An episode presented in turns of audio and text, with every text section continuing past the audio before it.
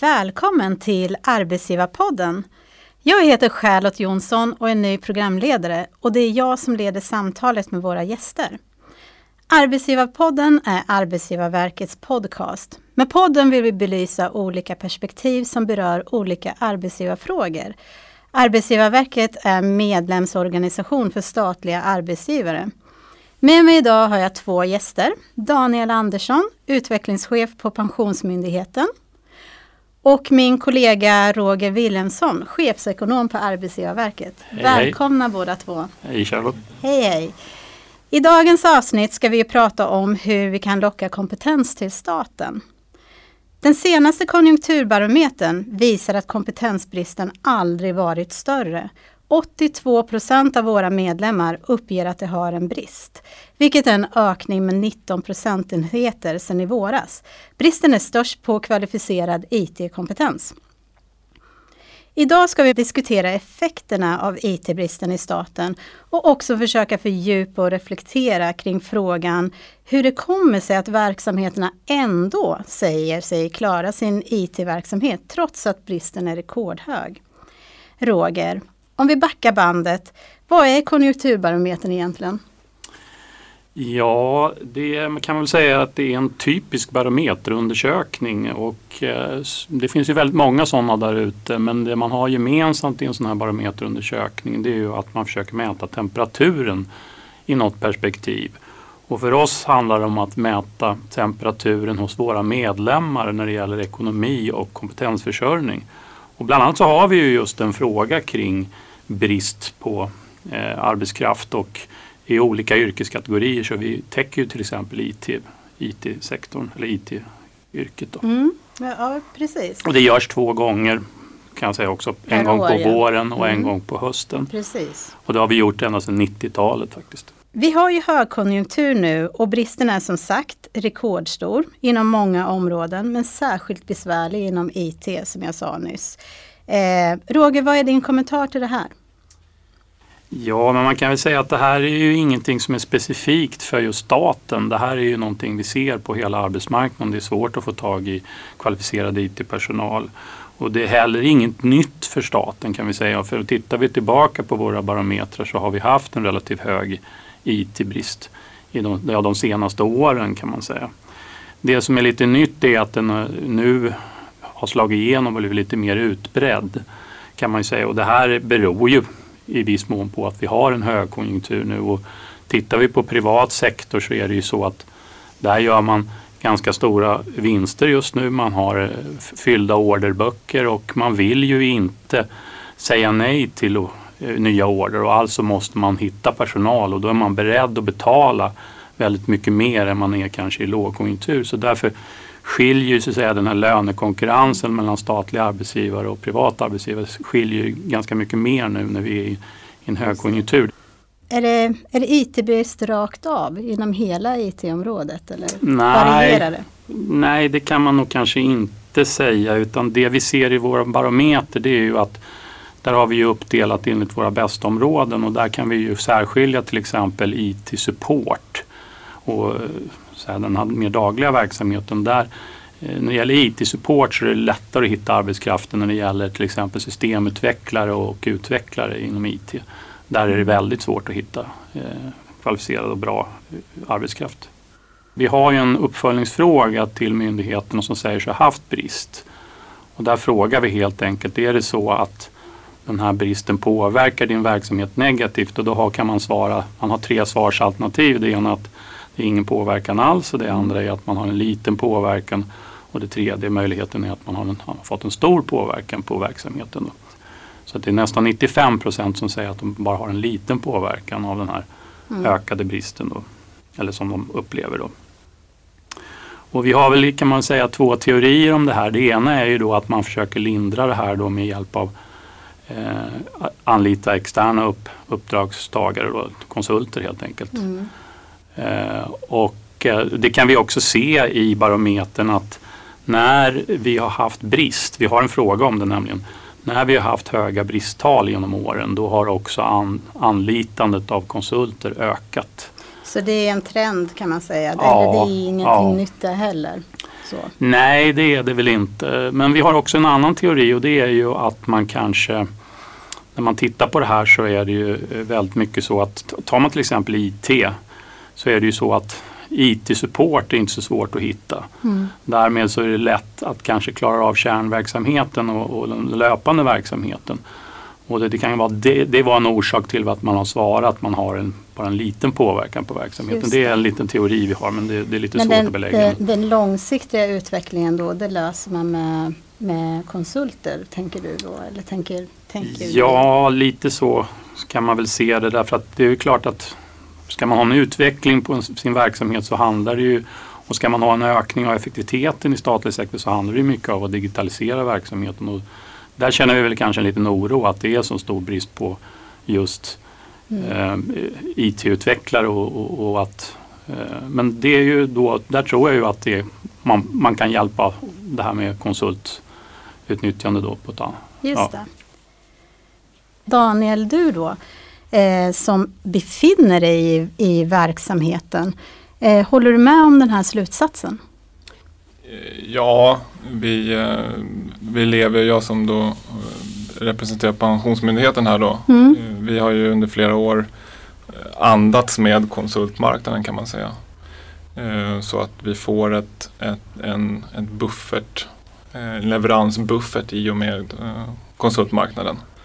Just det. Så på så vis kan man ju säga att, att det, det är ju ett sätt att, att balansera upp när vi inte eh, får tag i egen personal i den takt vi önskar. Mm. Eller inte vill det helt enkelt av andra, andra skäl. Kan det vara så ibland att ni inte vill få tag på personal? Ja, om vi ser tydligt temporära eh, behovsökningar och vi vet att vi behöver krympa ihop om ett år eller någonting. Mm. Eh, då, då vill vi kanske lösa det med, med hjälp av konsultmarknaden. Så då handlar det, mer, det handlar om flexibilitet och så? Hur ni kan Ja, flexibil ah. flexibilitet också i kombination med kompetens. Mm. Eh, för det är ju också så att, att det som vi lite slarvigt kallar ibland för resurskonsulter eh, de har sin plats. Men sen behöver vi också ibland specialistkompetens under, under begränsade perioder. Eh, och där vill vi ju ha in den halvår, årsvis, stötvis eller som en ren, ren inspiration och kompetenssmitta i organisationen. För att sen gå vidare själva. ja. ja.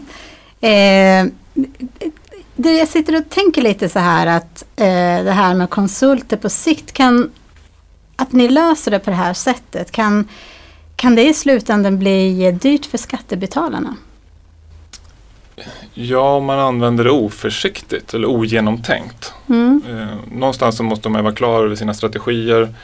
Man måste ha en, en tydlig plan vad man vill med sitt uppdrag och vilket, eh, vilken, eh, eh vilket ansvar vi har mot, mot medborgarna och, och se vad lämpade sig att, att ta in konsulthjälp och var ska vi göra det med, med egen personal. Eh, antingen av långsiktighetsskäl eller av kompetensskäl eller av andra, Eh, andra varianter på det. Då. Skulle, skulle det här kunna eh, egentligen då, det är många som tycker att att konsultande är dyrt men någonstans så är det väl det här lite ekonomiskt tänk också att man har istället för att ha någon som är anställd över en lång tid som kostar pengar då så har man personer som är inne under kortare tid och eh, även om de kostar mer per timme så, så tillför de kanske mer men också under en kortare tid så i genomsnitt så blir det samma kostnad eller kanske till och med billigare. Ja, nej men precis, exakt så är det. Och, och ibland vill vi göra eh, snabba punktinsatser och eh, det finns ju också en, en vinst på andra sidan och det är ju hur fort vi kommer ut med resultatet av vad vi nu mm. skulle göra. Mm. Eh, och då kan det i vissa lägen eh, vara, vara en väldigt välmotiverat beslut att ta in en, en, en, större konsultandel och så att säga gasa på så att eh, tjänsterna kommer ut till, till våra kunder och medborgare. Eh, och det kan vara helt, helt eh, motiverat och korrekt, korrekt beslut. Då. Men, men det, här, det här som ni, alltså som man hör ofta ibland att det känner du inte det här med att man brukar ut, jag har hört uttrycket man sitter i knät på konsulterna. Har, har, du hört det uttrycket? Ja. Vad, vad, vad tycker du om det? det... Ja, det finns, finns många, många, många saker att säga om, om uttrycket som sådant. Men om, om vi tar själva essensen av, av meningen och att man eh, då liksom inte ser till att man gör sig eh, konsultoberoende på lång sikt. Eh, då, då hamnar man i ett sådant läge. Eh, och det, det måste jag adressera på, på flera, flera mm, eh, områden. För det första handlar det ju om att eh, konsulten i sig då måste ju eh, informeras på ett sådant sätt och, och, att vi ställer rätt förväntningar på leveransen från en konsult eller konsultbolag på att det innebär att föra över kompetens till egen personal. Det innebär att jobba för att göra, göra sig konsultoberoende att jobba mot sin egen avveckling och att det finns en förväntansstyrning i, i det. När vi anlitar. Ser ni några risker med just det här som du säger eh, att eh, jag tänker att man tar in människor som, som inte är inne i verksamheten och som kanske inte har samma eh, kunskap om verksamheten eller samma värdegrund som verksamheten? Ja, risken finns ju alltid. Värdegrunden tycker jag att eh, där, där har man ju faktiskt en, en skyldighet att att utbilda eller introducera eller vad man nu ska kalla det för. Eh, alla till samma värdegrund. För ska man agera på en arbetsplats då måste basen vara densamma. Eh, så att en, en, grundläggande värdegrund, en grundläggande förståelse för, för um, myndighetens behov och inriktning och, och verksamhet måste någonstans finnas. Sen finns det ju en problematik i det här och det är ju att eh, mycket av det vi gör är rimligt komplexa saker, komplexa system, komplexa flöden eh, beräkningsmodeller, förmåner och annat. Och, och, det är ju inget som går att liksom lära sig lite, lite snabbt. Säkerhetsaspekterna, ja. är det, det är någonting som, som man liksom tampas med när det gäller, för att man, ja, vi har hört mycket om IT-frågor och att det är väldigt stor säkerhet kring dem. Eh, det måste ju också vara lite dilemma när man tar in personer utifrån. Eh. Ja, nej men så är det absolut. Och, och som du är inne på, det är en stor grej. Den, den har ju också aktualiserats kanske de senaste mm. åren. Eh, och vi pratade nu, vi har liksom kanske lämnat liksom virusskyddsnivån. Vi pratar om helt andra synsätt på säkerhet. Lagring, GDPR, inte minst vad det innebär för oss. Eh, men men eh, där måste man ju adressera utbildningsnivåerna på hur vi hanterar data och hur vi eh, har en säker hantering av, av kod och utveckling och annat för anställda såväl som konsulter. Det finns liksom ingen skillnad där. Verkar du inom myndigheten då är det basnivån som gäller. Eh, och det är, det är bara att, att, trycka in helt enkelt. Det är oförhandlingsbart. Eh, och det finns också, om vi återkopplar till den här frågan du ställde förut kring sitta knät på konsulter. Så, alltså många, många bolag och myndigheter sitter ju knät på anställda lika mycket. Mm. Det vill säga man är inte en så, så stor spelare som man har två, tre, fyra pers av allting. Utan vi pratar helt enkelt om nyckelpersonsberoende. Uh, och det, den, ibland kan jag tycka att man kanske överdriver den här faran lite grann med att sitta i, i knät på, på en konsult. Uh, vi har ju ibland precis lika stora utmaningar med, med egna medarbetare. Mm. Och uh, ja, de flesta har tre månaders uppsägningstid och gå på två ben och gå dit de tycker det är bäst att vara. Mm. Så att, och då ska man hitta någon ny. Ja. Jag tänker så här, finns det, finns det något tak för hur många konsulter man kan eh, ta in i en verksamhet och om det finns det då eh, blir det så att det finns vissa saker som inte kan göras? Ja, alltså någonstans så blir väl taket en Eh, en av de faktorerna som begränsas det är ju förmågan till att fortfarande ha styrning, kontroll, följa strategier, se till att man har en sund verksamhetsutveckling. Eh, och och ehm, eh, vad det är, det, det, måste ändå vara en unik situation beroende på vilken mm. verksamhet vi pratar om. Eh, den finns naturligtvis någonstans och oftast så brukar det kanske brista inte i själva utvecklandet eller innovationen av, av nya digitaliseringstjänster eller så. Eh, utan när det sen ska gå i förvaltning, produktion, underhåll, eh, life cycle management.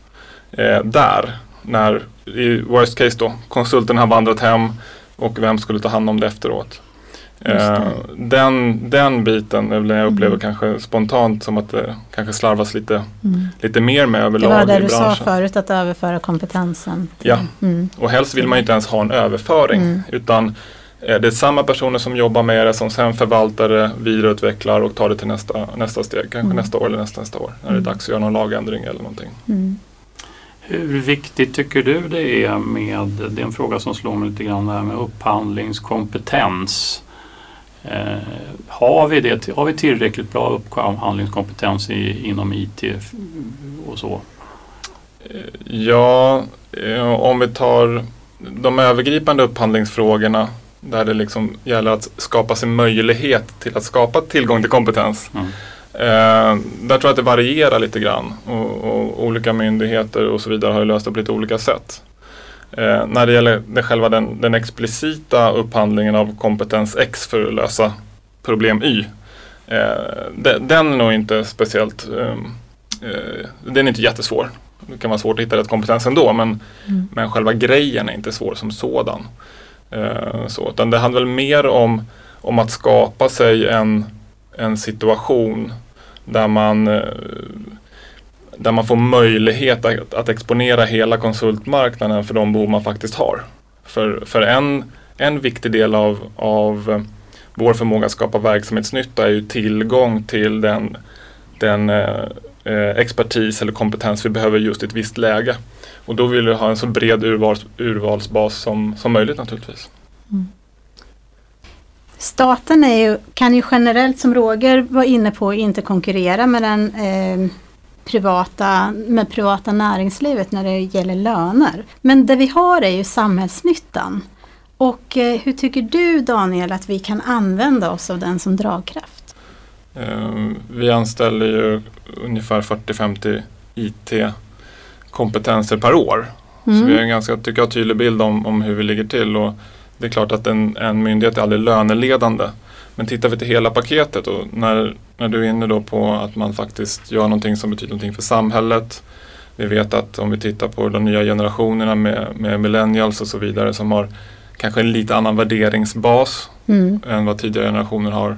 Så står vi oss ganska väl eh, när det gäller att attrahera kompetens. De tycker att vi är intressanta, eller hur? Absolut. Mm. absolut. Mm. På Sen, vad är det som de tycker är intressant?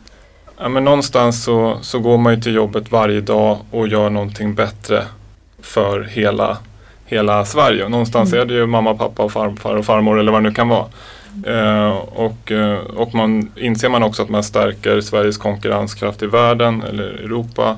Eh, man inser också att eh, man jobbar med andra människor som delar de här värderingarna. Mm. Så blir ju vardagen en helt annan typ av vardag än kanske ute på, på något annat. Så det handlar om att sätta in sig själv i, i liksom det nationella och internationella sammanhanget och se sin egen roll. Absolut. Mm. Charlotte, får ja. jag göra lite reklam där? Ja, jag vet inte men kör i vind då. Nej men eh, just kring det här med millennials så ska vi, vi faktiskt, Arbetsgivarverket ha ju en lunchföreläsningsserie och där ska vi faktiskt mm. ha besök av Sofie Kasim som ju är en företrädare och eh, tänkt lite mycket kring den här nya generationen millennials. Och vi ska ha en lunchföreläsning med henne den 26 april så det får mm. lyssnarna gärna gå in på vår hemsida och titta efter. Och, eh, för eh, det är en sak hon, hon brukar nämna, nämligen det, precis som Daniel säger här. Med mm. Det gör vi gärna reklam för, mm. våra lunchföreläsningar. Eh, jag tänker en fråga till er båda då. Eh, eller Roger förresten, har du någonting att, att eh, komplettera med samhällsnyttan? Nej, jag, det, jag var faktiskt inne på samma sak där, som det här med att det, det är en utmärkt eh, möjlighet med den nya generationen och den nya digitala generationen som ju har det här som man nämner i många undersökningar som har gjorts kring millennials att, att man har, eh, vill ha ett högre syfte med sitt, med sitt arbete också. Eh, jag tänker till er båda då att vad behöver vi göra för att staten långsiktigt ska bli attraktiv arbetsgivare för IT-kompetens? Någonstans måste man kanske börja i, i behovet och vart man är på väg. Mm. Så man vet vart man ska. Åtminstone i grova drag då. I sin digitalisering, i sin innovation och, och andra facetter på det. Och vart tycker du att man ska vara på väg? Någonstans så tänker jag att om, om eh, om vi vet att utvecklingen när det gäller digitalisering, eh, algoritmerna, AI och de eh, bitarna och vad som kommer krävas i samarbete och samutveckling. Eh, så, så inser, man, inser man ju att man har en fantastisk bas för mm. att kunna attrahera kompetens. För det här är en fantastisk resa. Mm. Den, vi, är, vi är bara på några procent i starten här. Uh, och då gäller det ju att paketera det, synliggöra det och bygga sitt case kring det så att det blir synligt, så att det blir attraktivt och att man inser det. Mm. Uh, för det är inte helt lätt kanske om man är ja, relativt nyutexaminerad från något, någon universitet eller högskola och mm. inse att oj shit, vara med på den här resan det är ju mm. det, är det ballaste. Och vad är slutmålet för resan så som du ser det nu? Oj, det, ja, för det första inget slutmål. Nej. Eh, det andra är ju kanske då att, att eh, eh, jobba med, med de strategierna som krävs för att komma, komma fram i bruset. Mm. Eh, att våga sticka ut, våga visa upp, våga visa vad man har innoverat, våga visa på de tekniker och teknologier och arbetssätt som man har eh, inom myndigheten. Och där, där eh, börjar man provtrycka det så ser man ju ganska snabbt att vi hävdar oss väldigt, väldigt väl. I och konkurrensen. Behöver, absolut. Mm, mm. Och då blir inte lönen hela, hela, hela grejen frågan. i beslutet. Nej, Nej, precis. Roger, vad, har du något att tillägga? Ja, din fråga var ju lite grann det här vad vi sam kan göra så i stort i samhället. Och där är det naturligtvis så att vi som central part på Arbetsgivarverket har ju en, naturligtvis en roll att spela då. Och eh, till att börja med den här resan som Daniel pratar om, den är ju väldigt intressant. Men den, den kommer ju naturligtvis kräva att många utbildar sig inom det här yrket också. Så att, vi har ju ett efterfrågeöverskott nu på, så att det kräver ju att vi håller upp det här utbildningen och då tänker jag att det räcker inte bara med fler utbildningsplatser utan man måste också vilja sätta sig i skolbänken och där har vi ju faktiskt ett, ett, ett dåligt förspänt i Sverige. Vi, vi, har en väldigt låg utbildningspremie, vi har den sämsta i hela OECD. Vad betyder, kan du förklara lite utbildningspremie, hur ska vi se på det? Ja, helt enkelt att, att om man väljer att utbilda sig på högskolan så vad ger det i, i, extra inkomst istället för om man skulle vara kvar i och ha en gymnasieutbildning till exempel. Det är ett mått att mäta det på. Ett annat sätt att mäta det på är ju kanske att titta på ett extra år på högskolan. Vad innebär det då för plånboken i, i slutändan? Men mm. tittar man på statistiken kring OECD så är, så är den premien man får för att utbildas i Sverige den är, den är extremt låg. Mm. Eh, och eh, sen tror jag också att det handlar lite om att popularisera kring de här eh, utbildningarna. Jag minns särskilt en en, en, en eh, studie som Almega gjorde där man, man frågade ungdomarna vad man tyckte om just IT. Och de sa ju då att, för, för, att ibland har det varit lite svårt att fylla de här utbildningsplatserna på en del, på en del ställen när det gäller IT. Mm. Och då sa man från ungdomarnas sida då att nej men jag vill inte sitta framför en dator, jag vill träffa människor i, i min, min, min, yrkesroll så att säga. Just och det där tror jag inte, och det kanske Daniel är bättre på att tala om hur det är där ute men jag tror att man behöver ju bredda den bilden mm. av IT-arbetet. Eh. Ja absolut och, och om man tittar på, på det faktiska, faktiska arbetet, hantverket mm. när man liksom är på, på, på myndigheten och jobbar. Eh, då är det ju extremt mycket samarbete. Eh, det gäller att väga idéer, komma fram till gemensamma lösningar, mm. ta teamansvaret eller liknande konstellationer mm. och lösa en uppgift tillsammans. Mm. Eh, en del är det naturligtvis ensam framför en skärm men det är mycket, mycket mindre tid än vad man kanske Precis. tror. och en, och en del till, hoppas. Precis, innan man kommer till skärmen så är yeah. det mycket prat innan med människor. Eh, generellt då så kan man ju säga att IT-branschen branschen, branschen, branschen är mansdominerad.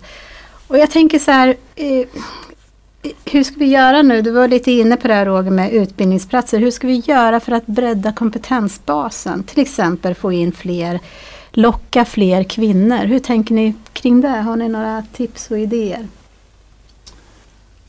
Eh, ja, jag tycker det där är en jättesvår fråga och eh, man kan ju säga det att det har ju försökt att ta fram olika förslag. Bland annat så kommer jag ihåg digitaliseringskommissionen la ju ett förslag där man föreslog att eh, kvinnor som studerade ju, IT då skulle få avskrivna studiemedel för sex terminer tror jag det var. Men det där Intressant. Föll, ja, det föll faktiskt på att man, man inte fick diskriminera så tror jag. Jag, jag, jag ska inte mm. säga med säkerhet, mm. men jag tror att det föll på att man inte får diskriminera inom studiemedelssystemet på det här sättet. Mm.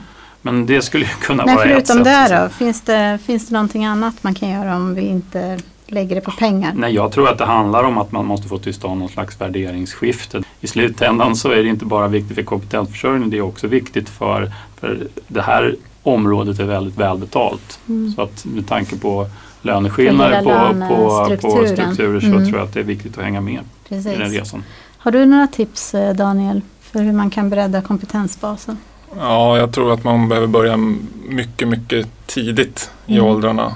Eh, man behöver skapa förståelse för, för tekniken och för ingenjörsyrket och förklara det på ett kanske sätt som mer attraherar eh, kvinnor. Mm. Eh, för där tror jag att, att det finns ett, ett arv, det finns ett gammalt manligt arv som vi måste sudda bort.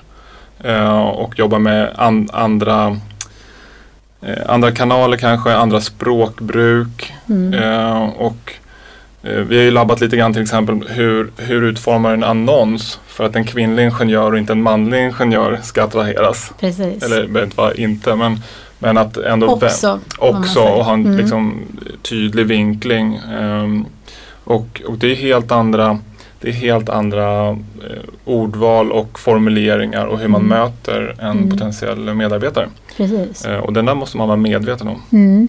Alltså det här är ju väldigt intressant. Ja, Roger? Mm.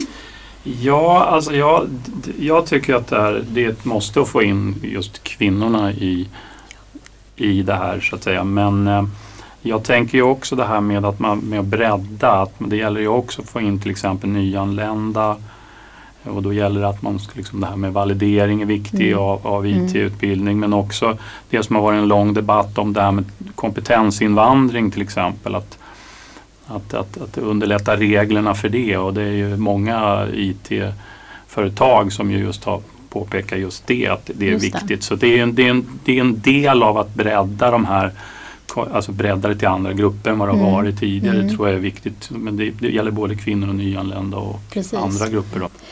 Eh, men ja, absolut. Men jag tänker på det här som du sa Daniel med, med språkbruk och sådär. För jag tycker man läser ju från gång till annan att det, att det finns en kultur inom IT-branschen som man skulle kanske kunna definiera som grabbig och nu gör jag cita citationstecken i luften här. Så. Och eh, då tänker jag så här, håller ni med om det och hur tänker ni att statliga arbetsgivare kan jobba för att eh, komma bort ifrån det? Ja, alltså jag håller väl med i, i, i det stora. Eh, sen finns det också fantastiskt bra lysande undantag.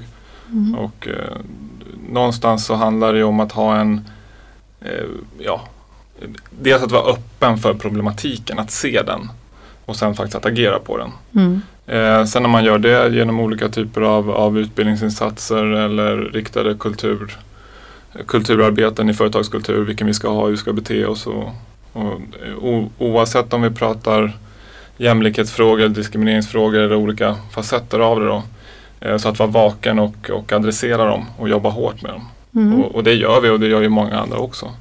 Eh, men men ur, ur min personliga erfarenhet är ju att det har skett väldigt, väldigt mycket de 10-15 senaste åren i ämnet. Mm. Uh, för, för det har skett samma sak i samhället egentligen. Precis, och nu är det så här att tiden går och det har blivit dags att avrunda. Och eh, för er som har lyssnat och har synpunkter eller frågor, kontakta oss gärna på arbetsgivarpodden snabel arbetsgivarverket.se. Men innan jag släpper iväg er två så undrar jag Daniel, en sak, vi inte får, en sak du vill att vi ska ta med oss? Ja, om vi tar grundfrågan som vi har pratat om idag, eh, kompetensbrist kopplat till verksamhetsimpact, så, så för det ju faktiskt någonting väldigt bra med sig också. Och vad är det? Det är att vi får vända och vrida på hur vi jobbar, arbetssätt, eh, mm. samarbete över avdelningsgränser, lära oss prioritera vad som verkligen är det viktigaste. Mm. Eh, och få, få, kring en dialog kring kompetensfrågor, kring prioriteringsfrågor, arbetssättsfrågor, agilitet, digitalisering och annat. Och det har fantastiskt mycket positiva eh, bieffekter med sig. Mm. Så man kan säga att den här bristen utvecklar verksamheten? Ja, ur ja. nöd kommer lösning. Precis. Och Roger, du då? En sak du vill att vi ska ta med oss av det du ja, har pratat om? Jag tänker väl lite grann att eh, jag tänker på det Daniel sa om det här med att man måste när man handlar upp konsulter för det, det, det tror jag kommer vara en väldigt viktig del av digitaliseringen i framtiden det är att det ska göras på ett smart sätt. Och jag tror att just det här med upphandling kommer kunna vara något som är viktigt. Och det är möjligt att eh, man pratar väldigt mycket om i, i ja, från regeringen eh, till exempel om att man ska samordna inom IT-frågor, samordna IT-drift. Men jag tror att det kan kanske vara en bra grej att också samordna det här med att göra smarta upphandlingar. Kanske mer, mer och mer stöd, rikta in stödet just på IT-upphandling. Mm. Mm. För att jag tror att det, Daniel är nog inne på en, en viktig grej där, att det ska göras smart det här. Mm. För annars så kan det bli, bli lite fel. Precis. Ja, tack ska ni ha. Mitt namn är Charlotte Jonsson och vi hörs snart igen. Hej då! Hej då! Hej då!